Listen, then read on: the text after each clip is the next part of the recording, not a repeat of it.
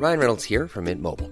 With the price of just about everything going up during inflation, we thought we'd bring our prices down.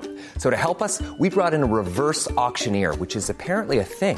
Mint Mobile unlimited premium wireless. Ready to get 30, 30, bit to get 30, bit to get 20, 20, 20, bit to get 20, 20, bit to get 15, 15, 15, 15 just 15 bucks a month. So, Give it a try at mintmobile.com slash switch. $45 upfront for three months plus taxes and fees. Promo for new customers for limited time. Unlimited more than 40 gigabytes per month. Slows. Full terms at mintmobile.com. Hallå där i bastun. Ja, men, lägg av. Lägg av. Lägg av. Hej Julia. Hej Julia. Är allt bra? Hur går det med maten och med allt det där? Jo, alltså det har gått skitbra faktiskt. Jag eh, går ju på ett off-season schema nu där jag inte vet om kalorierna. Eh, och jag väljer även lite mer fria mål runt mitt schema. Så jag inte, har absolut inte någon aning om kalorier eller macros. Och det funkar faktiskt skitbra. Jag har inte alls lika mycket ångest och eh, min eh, bulimi är faktiskt väldigt, väldigt lugn just nu. Så det går faktiskt asbra. Hur går det Gud. med din, ditt käk? Mitt käk? Ja men det går jättebra. Jag har ju, jag lever väldigt bra just nu. Alltså verkligen, jag kan inte klaga på någonting. Så jag har ju inga dåliga tankar om mat och jag tycker träningen går bra och är allmänt lycklig. Så ja, jag tycker allting går väldigt bra just nu. Det går bra för oss helt enkelt. Ja, faktiskt. Men du, vi har ju faktiskt en gäst vi ska ha med oss idag. Ja, precis. Ska vi ringa upp henne på en gång? Jo, men alltså det tycker jag väl. Ja. Det är lika bra att köra på. Ja men då gör vi det. Välkommen Emma! Tjena! Tjenare tjenare! Allt bra? Det är bra tack. Hur är det med er? Jo, det är, med mig är det jättebra. Julia? Jo, det funkar allt här borta också. det funkar. Det funkar bara. Ehm, d- våran första gäst. Ja, herregud. Jag är jättenervös och jättetaggad. Vad kul! Ja, jag är också faktiskt lite nervös. Det känns... Ja, jag För tror nej- att vi känner exakt likadant. Ja, för skönt, jag är inte jag, ensam. jag och Julia är ju så vana att vi pratar med varandra i flera timmar bara när vi går till promenader och sånt. Mm. Men vi är ju inte vana att ha en gäst. Nej, spännande. Spännande! Vem är Emma? Vill du presentera dig själv lite?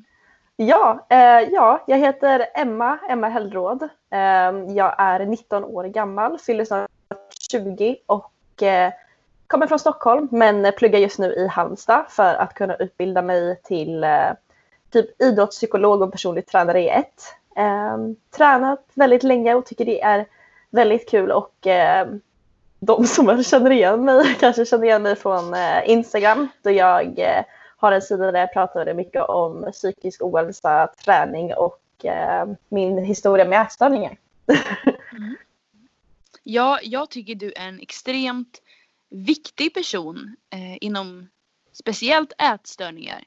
För du pratar så öppet om det och du jag tror du har hjälpt väldigt, väldigt många att komma över sina ätstörningar. Åh, Alltså gud, jag, jag blir så till mig. Alltså det betyder så mycket att höra, verkligen, verkligen. Emma, din resa började ju när du var 12 år. Eh, Yes. vad, vad hände då? Jag började må dåligt ungefär när jag var kanske nio år gammal. Och eh, det var väldigt mycket liksom, negativa tankar och sånt kring mig själv. Jag var väldigt osäker i mig själv och eh, började försöka liksom, söka... Jag tror jag ville söka bekräftelse och att folk skulle tycka om mig och jag såg väl typ träningen som ett sätt att liksom, nu ska jag bevisa för folk hur duktig jag kan vara. Så jag började träna väldigt maniskt. Ehm, och när jag var 12 så började det eskalera att jag åt extremt lite och tränade väldigt, väldigt mycket och eh, blev då inlagd när jag var 12 år. Men jag tänker, när du var så pass ung som 12 år, fick du diagnoser redan då? Eller hur var det? Varför blev du inlagd? Eh, jag fick diagnosen när jag var 12 år och det var för att eh, vi började söka kontakt med sjukvården och liksom ätstörningsenheten och eh, prata om de problemen jag hade för att mina föräldrar blev väldigt oroliga för att jag gick ner väldigt fort och varför jag blev inlagd när jag var 12 var för att jag eh, hamnade, jag fick väldigt låg puls. Ehm, så mina föräldrar blev väldigt oroliga för att vi ringde till sjukhuset och mamma kollade okej okay, men hur låg puls får man egentligen ha? Och då hamnade jag liksom att jag hade så låg puls så att mitt hjärta kunde stanna. Så vi behövde åka då in akut. Där jag då fick stanna på sjukhuset några dagar och sen hamnade jag automatiskt vidare på behandlingshem för ätstörningar. Så jag fick diagnosen redan när jag var 12, vilket ändå är, som sagt, det är tidigt, men det var bra att jag fick diagnosen. Från någon som inte har haft en ätstörning, hur, hur kan det gå så långt att ditt hjärta nästan stannar? Jag... Eh, gud. Jag, jag åt ju som sagt extremt lite och jag tänker som sagt inte självklart inte gå in på detaljer Nej. hur lite men det var liksom ingen kaloririk mat. Så jag började använda kaloriräknarappar väldigt mycket, använde det väldigt maniskt och eh, såg alltid till så att jag skulle förbränna väldigt mycket, att jag knappt skulle liksom ha någon energi i systemet. Så jag tog då och kompensera upp liksom allt jag åt med. Jag träna väldigt mycket och jag såg väl kanske inte själv hur ohälsosamt det egentligen var för att jag tyckte att jag gjorde mig själv en stor tjänst. Så jag tror det var att, liksom, att jag låg på ett sånt stort kaloriunderskott eh, under en sådan lång tid så att till slut kroppen hade liksom ingen näring och ingen ork.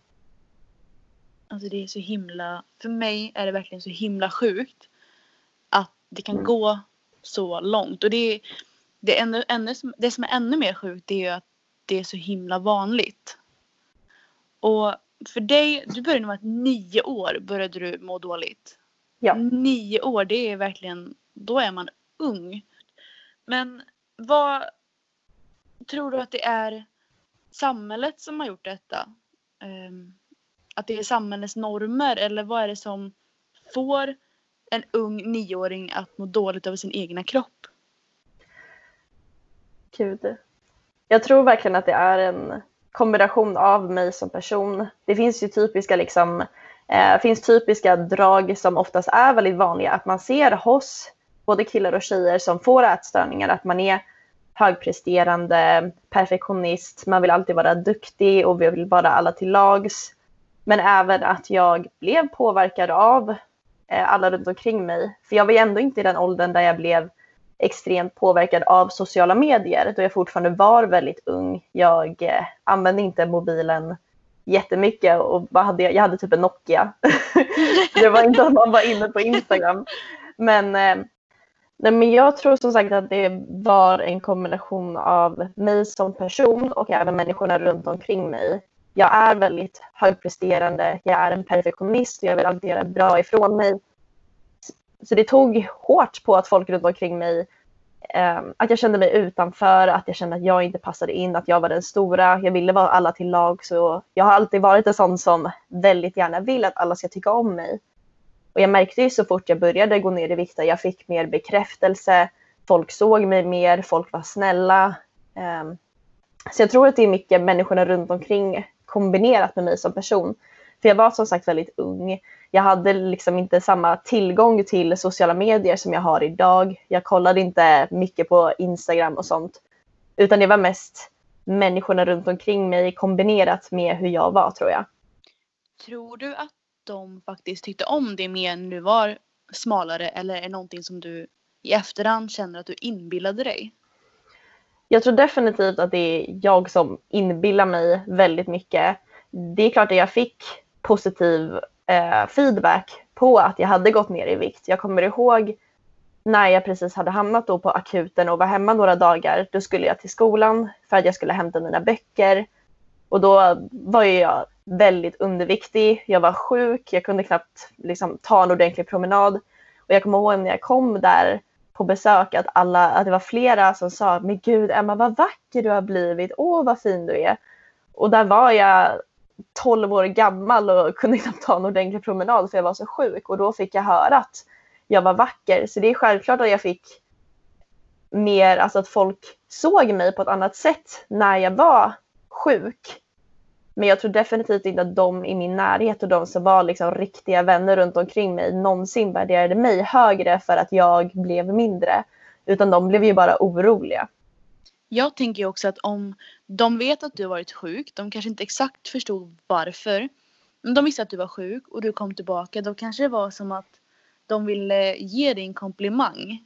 Sen blev den ju fel för du, du, skulle ju inte, du behövde ju inte höra att du var vacker när du var som sjukast.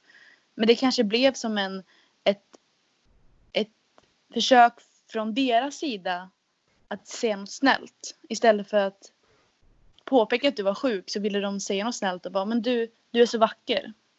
Precis. Vilket kanske var det sista du behövde höra just då men. Precis och det är därför det är ju så svårt för närstående runt omkring att veta hur de ska hantera och behandla en person som är ätstörd för det är så mycket som kan bli så fel men som folk menar väl i. Mm. Jag tänker vi pratar om det lite senare. Um, men jag ville också kolla, gå vidare och kolla efter du fick din, eller efter du fick din diagnos och att du åkte in när du var 12 år. Hur lång tid tog det för dig innan du blev frisk? Om man någonsin blir frisk? Jag blev nog ut, jag blev utskriven först, för jag bodde ju först där på ätstörningscentrumet i kanske nio veckor. Jag bodde där i kanske två månader någonting. Um, och sen så blev jag utskriven och hade kontinuerlig kontakt med dem. Sen tror jag att jag blev utskriven därifrån och friskförklarad när jag var 15-16 år gammal.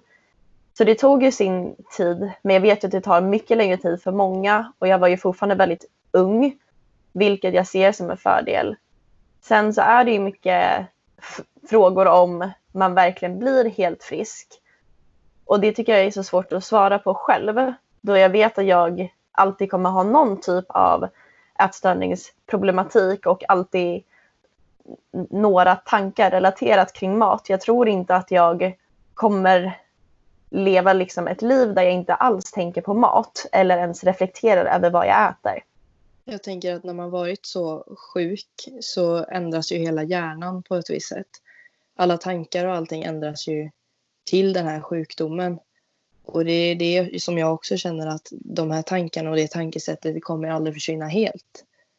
Utan att det kan vara att vi är 80 år, du och jag Emma, och så tänker vi ändå på kalorier eller på våra kroppar och mat och allting.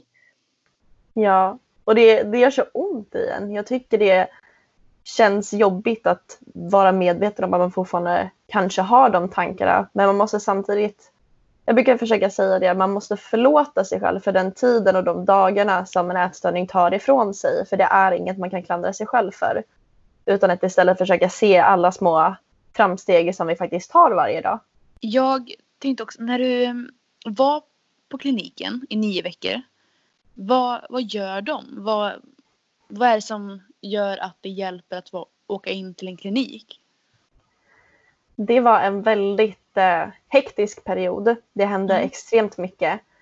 Vi, det enda man nästintill gör är att man väger sig, man äter, och man försöker ha olika typer av terapi och samtal och eh, möten med andra.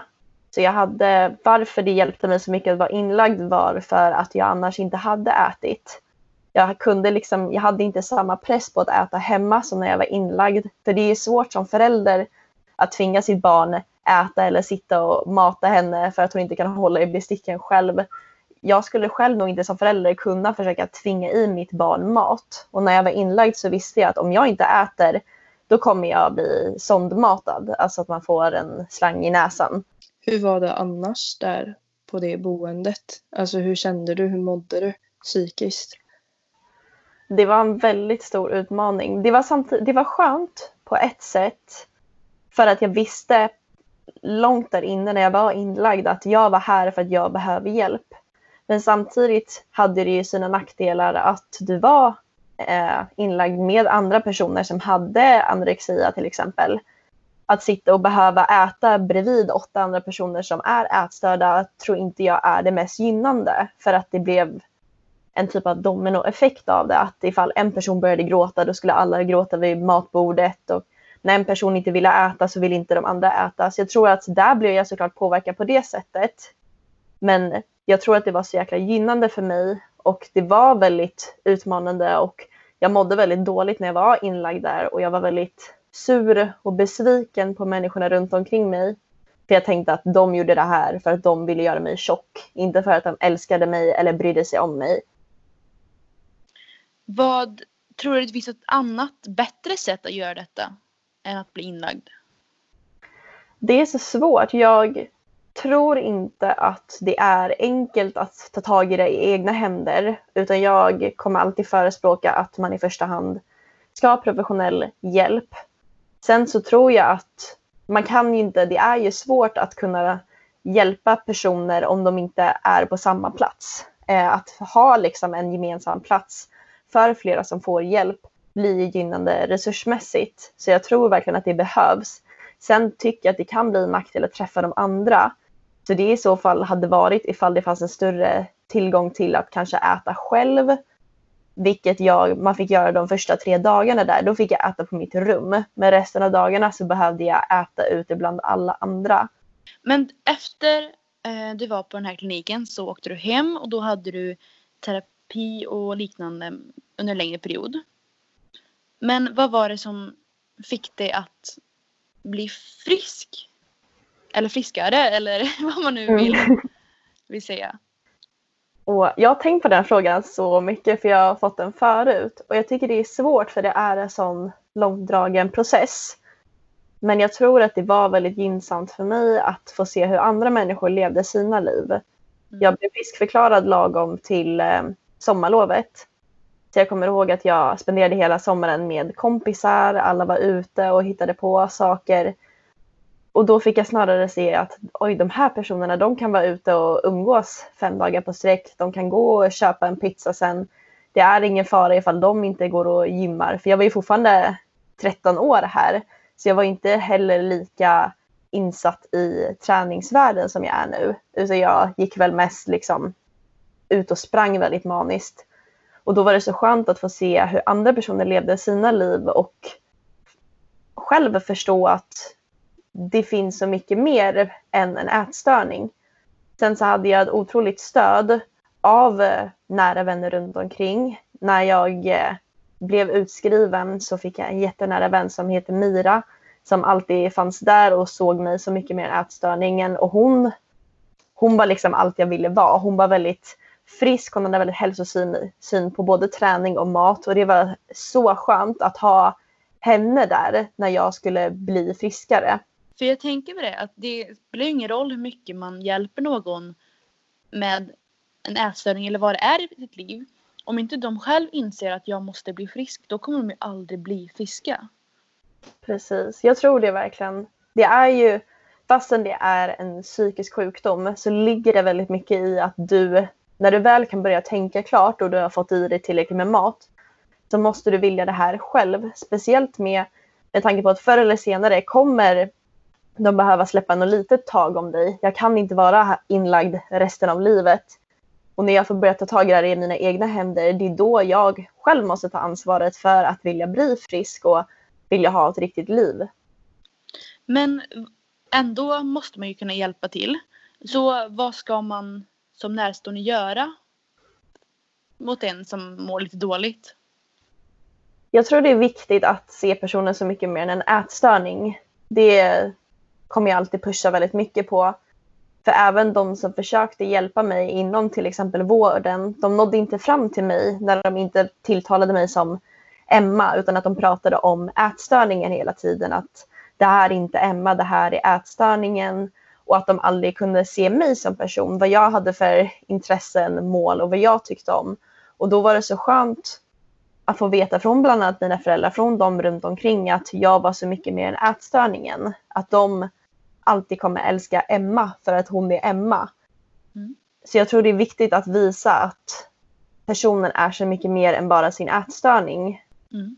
Hur, hur gör man? Det låter ju väldigt, väldigt bra och smart. Men hur gör man det då? Alltså, är det någonting man kan säga? Är det någonting man absolut inte ska säga?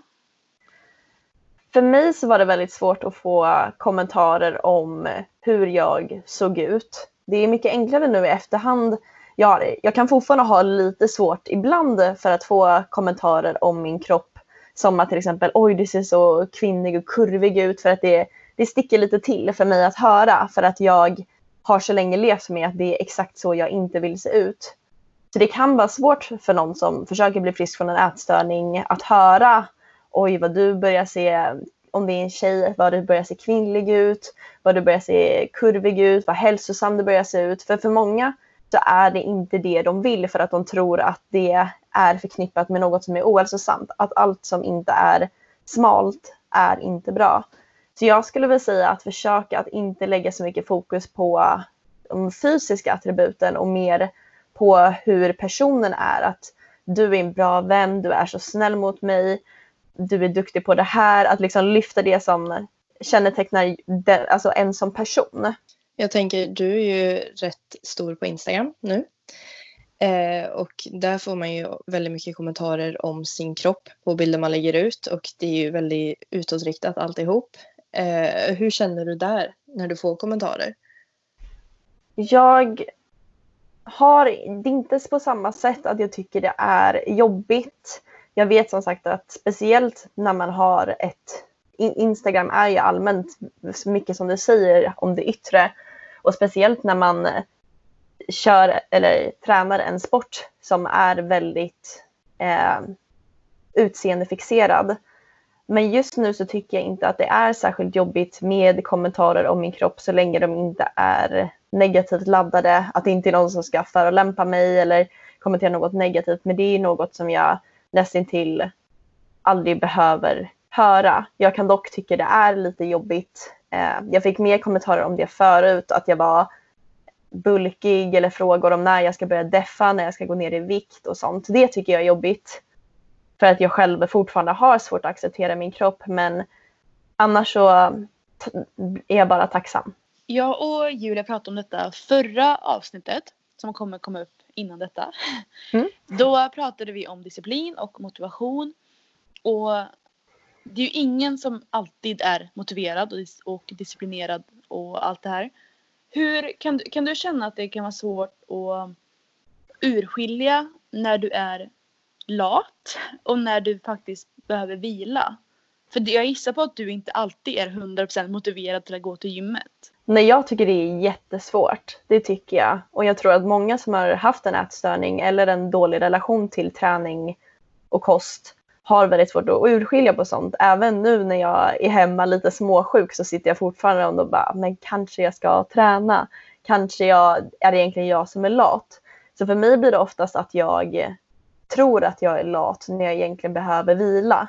Men även att jag är som sagt inte alltid motiverad till träningen och då kan det fortfarande såklart är det ju svårt ibland att urskilja på vad det är för att jag vill ju, jag försöker lova mig själv att inte träna om jag inte vill det. Men det är så svårt ibland att urskilja på kommer jag tycka det här är världens roligaste när jag väl är på plats. För, på, för mig så är det ofta att när jag väl kommer till gymmet så kan jag tycka det är svinkul men att jag inte är så jättetaggad innan. Jag vet inte hur det är för er men för mig är det alltid ja. så. alltid.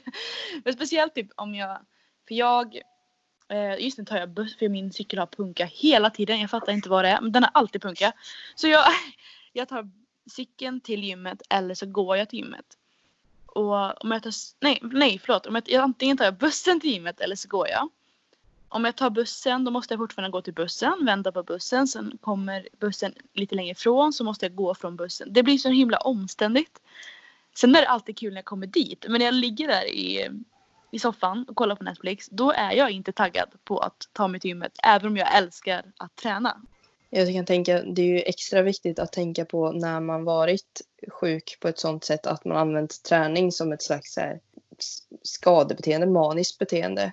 Så är det extra viktigt att tänka på när man behöver vila. Eftersom så som du sa Emma, du vet, du vet inte, när du liksom är hemma och vilar att du känner att ska jag träna, borde jag träna? Liksom att det hela tiden går i huvudet. Har du några tips hur man ska våga vila? Ja, för mig har det som sagt funkat. Att jag, jag är väldigt dålig på att det är svårt att lyssna på sin kropp när man så många år inte gjort det och då kan det vara svårt att avgöra när jag egentligen är trött. Så jag brukar ju ha bestämda vilodagar och vara väldigt envis med att faktiskt vila då.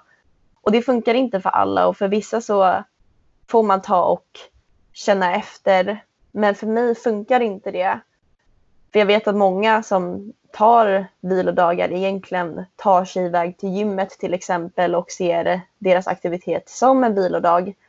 Men för mig så måste jag se till att jag har dagar då jag inte får gå till gymmet. Jag får ta en promenad för att det är skönt och för att jag mår bra av det. Och, men jag får liksom inte, jag bestämmer mig för de här dagarna i veckan ska jag inte gå till gymmet och så försöker jag istället för att våga vila försöker jag hålla mig sysselsatt med annat och även tänka väldigt mycket att det spelar egentligen ingen roll. I slutändan kommer det inte spela någon roll ifall jag tar en vilodag. Har du samma tankesätt när det kommer till eh, maten? Jag tänker, men man vill ju äta hälsosam mat för att man, det är bra för kroppen. Men det är också en liten fin linje där att man äter hälsosam mat för att man älskar sin kropp och att man äter hälsosam mat för att man är rädd för ja, men att gå upp i vikt. Ja, den tycker jag, är, jag tycker det är svårt kring mat.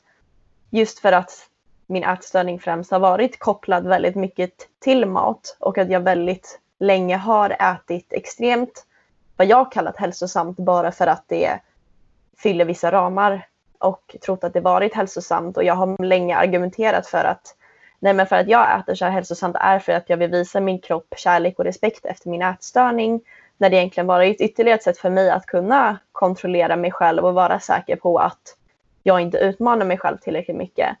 Så jag tycker, jag tycker den är svår faktiskt. Jag såg ju det för du la ju ut på din Instagram bara några dagar sedan att du trodde att du åt väldigt balanserat och eh, ja men som sagt hälsosamt och gott och varierat. Men att du ätit väldigt mycket matlådor som man lätt fastnar i. Har du försökt att um, utmana dig själv med att äta inte, ja, men äta inte fitnessmat utan hederlig kost?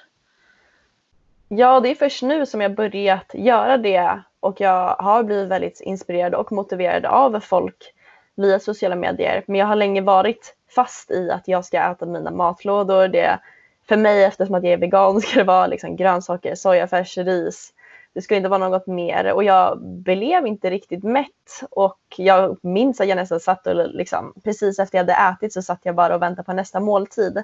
Och det tar ju lite emot att erkänna det då jag så länge varit friskförklarat. Och det ska inte vara någon skam i att det är jobbigt att bli frisk.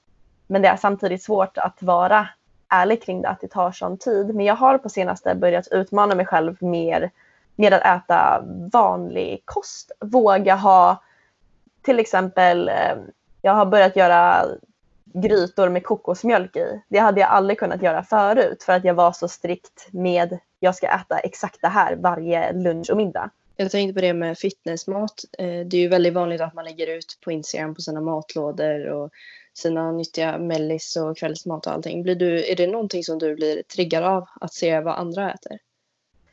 Jag blir inte särskilt triggad utan det, det jag kan bli triggad av är när folk ska jämföra sin fitnessmat med andras kost.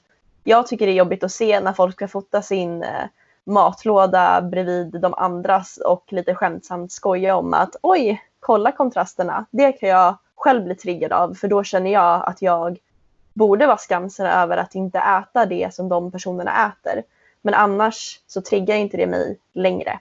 Men jag tänker annars, eh, du lägger ut mycket på Instagram eh, om din ätstörning och din psykiska hälsa. Eh, när, har du gjort det hela tiden från start? Alltså, när började du våga prata mer om det? Och hur bemöttes du av dina följare? Jag var ju väldigt fram och tillbaka. Jag tror att jag haft kanske fyra stycken sådana här konton för att jag har haft det i en vecka och sen raderat det. I början så la jag väldigt mycket upp om vad jag åt. Det var mer ett typ av recovery-konto där jag pratade om att försöka börja äta för att gå upp i vikt efter en ätstörning. Så det var mer fokus på det. Men, och det startade jag kanske, jag minns inte, kanske när jag var 15-16.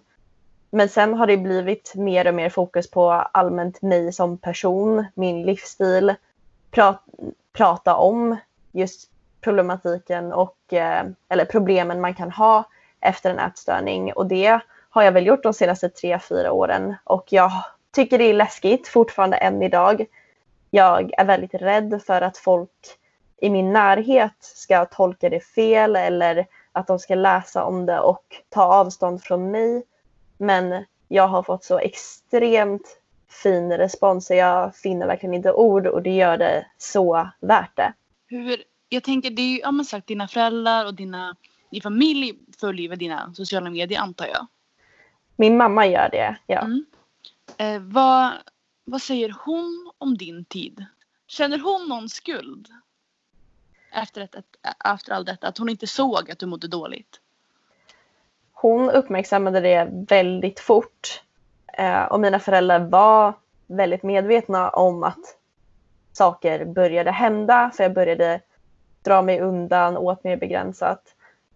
Sen tror jag självklart att man alltid som förälder kommer känna någon typ av skuld för det och jag vet att min mamma har varit orolig och kan oroa sig än idag för att hon har varit med och bidragit till det. Men min mamma har alltid haft en relativt hälsosam relation till mat. Hon har inte förespråkat något annat för mig och det har absolut inget med henne att göra.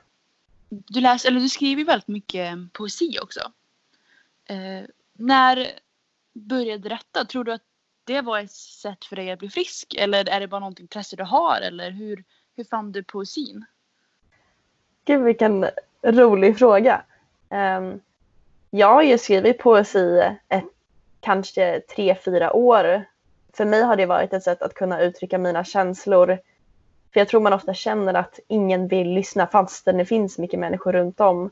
Och jag har väldigt svårt ibland att uttrycka exakt hur jag känner om jag inte får använda mig av andra ord. Så det har hjälpt mig väldigt mycket med att skriva poesi och det är någonting jag, jag gör i perioder när jag känner att jag måste få utlopp för mina känslor och det har hjälpt mig jättemycket i mitt tillfrisknande och kunna bearbeta både känslor och händelser. Du pratade ju om att, eh, jag kommer inte ihåg hur det blev med detta, men du pratade ju om att starta, eller göra en bok med all din poesi. Ja, precis. Jag, eh, jag har gjort klart boken. Jag har beställt hem den till mig själv så jag har den hemma i min bokhylla. Ah, vad spännande! Ja. och jag har ju funderat på att göra den allmän men då måste jag göra lite justeringar för att det står personers namn. Det står namn på personer som har behandlat mig orättvist tycker jag och det är människor som jag vet jag inte vill på något sätt råka hänga ut. Så då skulle jag göra justeringar. Men jag har varit väldigt fram och tillbaka med att faktiskt göra den liksom public. Ja men det tycker jag absolut du ska. Jag tänker ja, att det kan hjälpa väldigt många. Ja, och om inte så vill jag ha hundra exemplar. Åh. Men gud vad kul, det är klart du ska släppa den boken. Ja det hade varit eller, så kul. Ah, hur, mycket, hur, många, hur många dikter, eller är det dikter du skriver eller är det också ibland korthistorier eller bara dikter? Det är främst dikter. Jag har faktiskt med en liten korthistoria som jag skrev. Jag skrev väldigt mycket redan som liten. Så jag har faktiskt med en eh, kort novell i den som jag skrev när jag var 11 år gammal. Eh, så det är väldigt blandat. Gud vad kul. Hur, hur stor är boken?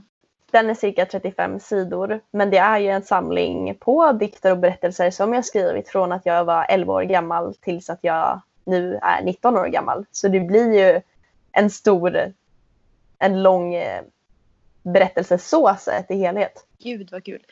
Om man är ätstörd, eh, eller man har en ätstörning, vad, vad hade du velat säga till dem?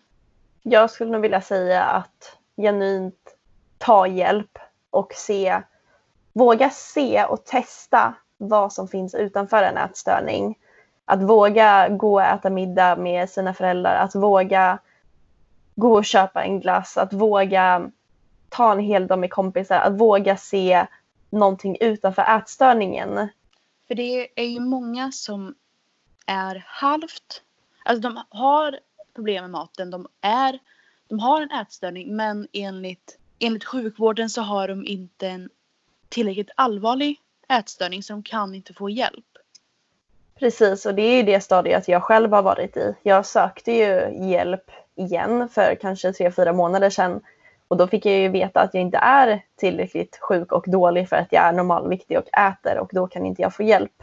Så, det, så är det absolut.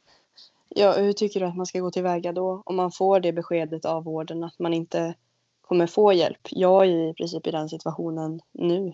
Det är svårt för att jag förespråkar ju som sagt professionell hjälp. Men jag skulle verkligen säga att försöka ta hjälp via i så fall psykolog för att kunna få ventilera på något sätt och att försöka att eh, dra sig och hålla sig till de människorna som man mår bra av, som förespråkar så mycket mer än en ätstörd livsstil och att våga prata om det. Jag tror det är extremt viktigt för att det kan ofta vara sån skam i det och jag kan än idag känna skam i att ha kvar ätstörda rutiner i min vardag. Men det är först när jag pratar om det och försöker få hjälp som det har hjälpt mig extremt mycket.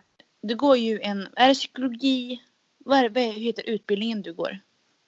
Det är psykologi med inriktning idrott och motion. Just det. Eh, vill du jobba med ätstörningar i framtiden? Jag vill kunna hjälpa dem som är i den sitsen som vi precis pratade om. Mm. Jag vill kunna hjälpa dem som inte är tillräckligt sjuka för att få hjälp men som samtidigt har en väldigt komplicerad relation till träning och mat. Att hitta tillbaka till en hälsosam bas. Hur hade du önskat att de som faktiskt kan göra någonting som samhället eller lärare eller psykologer, vad hade du önskat att de kunde göra för personer som antingen är i sitsen att de är sjuka men inte allvarligt sjuka eller till de som är på väg att bli sjuka? Jag tycker det, det är en svår fråga men jag tycker det är viktigt att visa sitt stöd och återigen visa den personen att det alltid finns hjälp ifrån dem. Sen måste man ju fråga sig själv ifall man själv har resurserna att kunna ge hjälp. Men ifall man känner själv att jag orkar finnas där så tror jag att det är väldigt viktigt. Jag tror att med all typ av psykisk ohälsa handlar det mycket om att man ofta känner sig väldigt ensam i det hela. Att man tror att man är ensam om sina problem och oroar sig över det. Så jag tror att det är viktigt att vi vågar prata om det, vågar lyfta frågan och vågar finnas där som stöd och allmänt prata om det för att de som är i den sitsen ska våga söka hjälp och våga ta kontakt och inte känna sig lika ensamma. Det är så himla många frågor men jag vill typ heller inte ställa frågor som kan ge ett svar som kan vara triggat. För det är ju så himla känsligt Mm. ämne. Mm. Har du något mer som du skulle vilja nå ut till de som lyssnar här? Jag tror allmänt att jag bara vill få sagt att våga söka hjälp. Våga inse att man aldrig är ensam. Vilka problem man än har. Allt från ångest till ätstörningsproblematik. Att man är aldrig ensam. Och börjar man titta runt omkring sig så kommer man se att man verkligen aldrig är ensam i det här och att det finns hjälp att få. Det problemet Mm. är att det inte finns så mycket hjälp. Eller alltså det finns hjälp Ja. men, men det känns verkligen som att jag har alltså men typ Julia, du har ju pratat om att men det här med corona, du får inte hjälp nu. Nej, de, de ringde, ju, ringde mig. Eh, så kunde inte jag svara just då. Så skickade de ett sms bara att eh, de framtida mötena är inställda eftersom att vi skulle vara i grupp de första gångerna. Och så svarade jag att ja, det var ju väldigt tråkigt eftersom jag har väntat på det här i cirka två månader.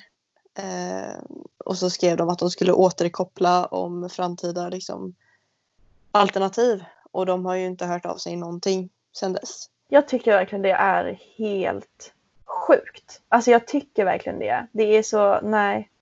Jag tyckte ju att det var jobbigt först att ens behöva vänta två månader för att starta med de här gruppmötena. Och de vill det att jag måste gå på de här tre gruppmötena innan min behandling börjar. Så jag har ju inte heller något alternativ. Det är ju om jag vill gå till en psykolog privat. Men det är ju inte heller det jag vill göra för jag vill ju påbörja min riktiga behandling. Och det tänker inte de göra förrän jag har fått göra mina gruppmöten. Så jag måste ju vänta på att corona försvinner, vilket jag tycker är hemskt. Det jag tycker är sjukt med detta också är att det kanske krävs extremt mycket mod att faktiskt be om hjälp. För det gör det. Man Mm. måste ju erkänna att man är sjuk och så måste man faktiskt be om hjälp. Och så gör man det och så får man svaret nej men du är inte allvarligt lika, du är inte tillräckligt sjuk. Eller Mm. nej men tyvärr nu, vi har inga platser. Man vill inte försöka igen. Man har ju fått ett nej. Man har ju kommit så långt att man faktiskt har förstått att man är sjuk. Man ber om hjälp och så får man ett nej. Mm. Det är det jag tycker är så himla sjukt. Om någon säger att jag mår dåligt typ av hjälp, då ska de få hjälp. Precis. Nej, jag tycker verkligen att det är... Alltså jag finner verkligen inte ord för det. Jag tycker det är så himla sjukt. Jag tycker att de har gjort så jäkla fel med behandlingen av, eh, av dig Julia. Jag tycker verkligen inte det ska vara så. Jag tycker inte det ska krävas några gruppmöten. De själva som jobbar med en psykolog har ju inte utbildning kring ätstörningsproblematik. De vet inte vilka vägar de ska gå än att bara finnas där som lite stöd och det krävs så mycket mer. Så det är, jag tycker verkligen det är helt sjukt. Vi får hoppas att det löser sig helt enkelt. Det är alltså. Jag tycker att de borde prioritera den här sjukdomen faktiskt. Jag tycker att de borde lägga tid här. Eh, jag förstår att det är mycket annat man behöver prioritera nu eftersom det är väldigt svårt. Men detta är så pass allvarligt att man faktiskt behöver, behöver ge hjälp till de som behöver få hjälp. Jag, jag, tyck, jag har ju påbörjat det här själv nu istället. Eh, för jag vill också kunna visa dem att de har gjort fel.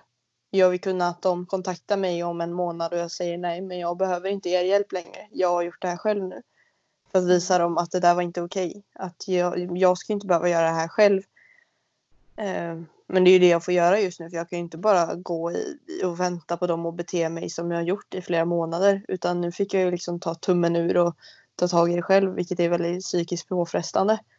Men eh, det finns ju inte så mycket alternativ just nu. Jag har en, vet att, vet ni vem Ellen Nielsen är? Ja. Nej. Det är i alla fall en, en body fitness atlet. Hon har också haft ätstörning och hon fick fann ju sin räddning genom att tävla. Eh, men min fråga då är Emma, vad, vad, vad är dina tankar om fitnessvärlden? Oj, oj. Du behöver, glöm, glöm att du är med att Julia har vunnit eh, junior och senior i body fitness. Glöm det! Jag ska inte gå till attack, jag lovar. Nej, men jag själv skulle inte vänt mig till en sån sport ifall jag hade varit ätstörd och haft en ätstörning då det är som fokus på det yttre och jag tycker själv att en tävlingsdiet, det, man får ju leva lite som en, det blir liksom en accepterad version av att leva liksom ätstört. För det var så jag levde som ätstörd. Och därför har jag så svårt att yttra mig om det för att alla är så olika. Och det är svårt för mig att sätta mig in i huvudet på hur andra är. Men för mig skulle det aldrig fungera. Nej men Amanda brukar ju, hon pratade ju nyligen om att hon, att hon jämförde lite med alkoholism och någon som går tillbaka och eh, dricker lite. Och för mig hade det varit likadant att till exempel att jag med en ätstörning då skulle få spendera några månader att leva på det sättet som jag levde när jag var ätstört. Då hade jag inte utvecklats och kommit längre fram och blivit friskare.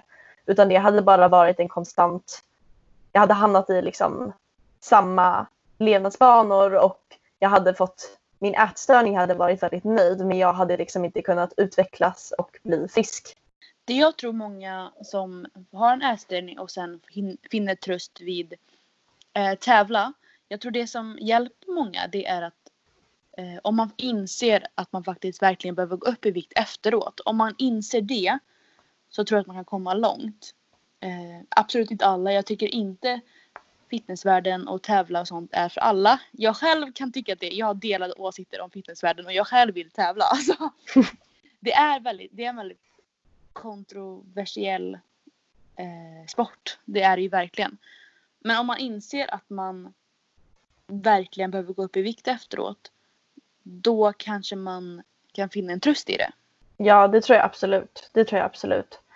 Det är så svårt för mig. Jag har ju aldrig liksom nej men jag tror inte att jag hade kunnat leva den livsstilen och äta strikta matlådor och sånt. Jag tror att många vänder sig till fitness för att kunna hålla sin ätstörning i schack. För att det är en väldigt det är likt att leva med en kontrollerad ätstörning. Det, det tror jag absolut verkligen. Men jag tycker också det kan vara ibland svårt. Eh, jag har ju aldrig haft en ätstörning men jag har absolut haft problem med maten. Eh, vilket de flesta nog har haft. och ibland kan jag, som jag håller på faktiskt att räkna kalorier. Men jag försöker varje gång jag inte räknar, eller varje gång jag räknar och det, jag får, och det får mig att må dåligt. Varje gång jag räknar och jag mår dåligt av att räkna, då slutar jag ju direkt. För jag vill ju, jag vill ju verkligen kunna räkna för att jag älskar min kropp och att jag äter för att jag vill prestera.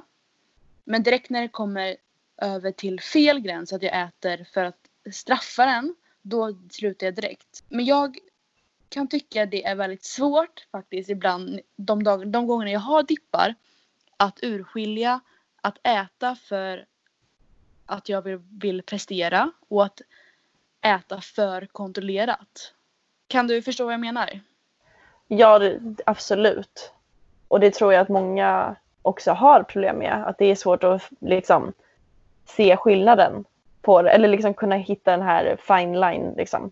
Ja, för man vill ju äta så att man orkar på passet. Men samtidigt om du om du inte kan träna utan att äta x antal eh, rissorter innan. Då är det ju också en ätstörning.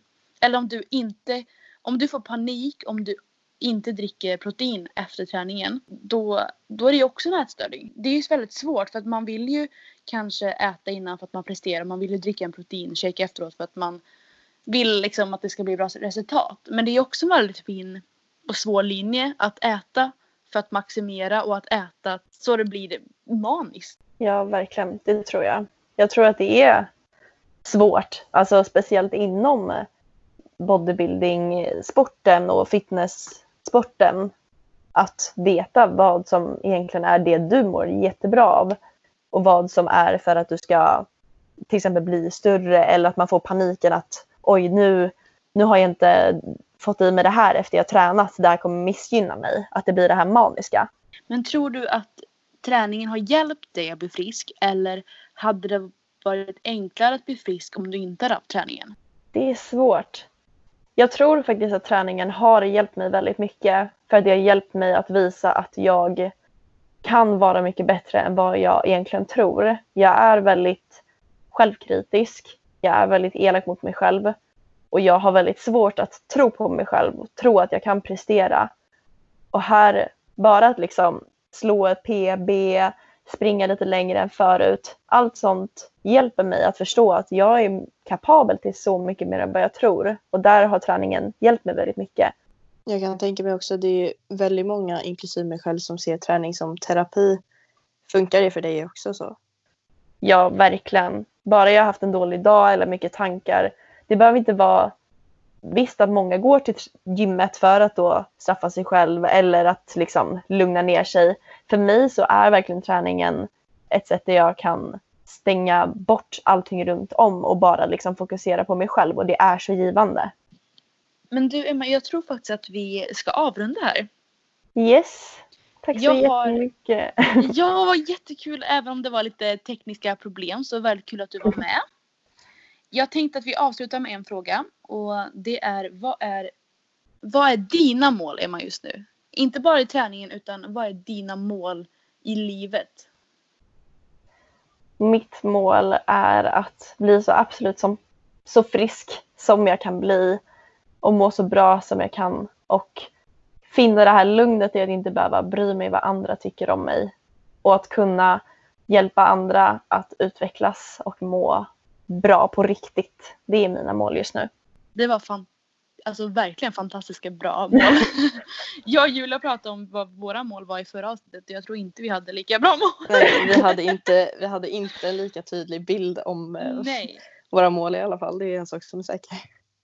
Du Emma, alltså verkligen stort himla tack för att du ville vara med. Tack så jättemycket för att jag fick vara med. ja, det är mycket att prata om. Jag har, mycket, jag har många frågor som jag inte ställt men som jag inte vet hur jag ska formulera. Så du får komma tillbaka någon annan gång. Jättegärna. du får ha det jättebra. Ha det så bra. Mm. Puss hejdå. Tack så mycket Emma. Hejdå. Puss hej. Hejdå. Ja sådär då. Gud vad Emma är trevlig.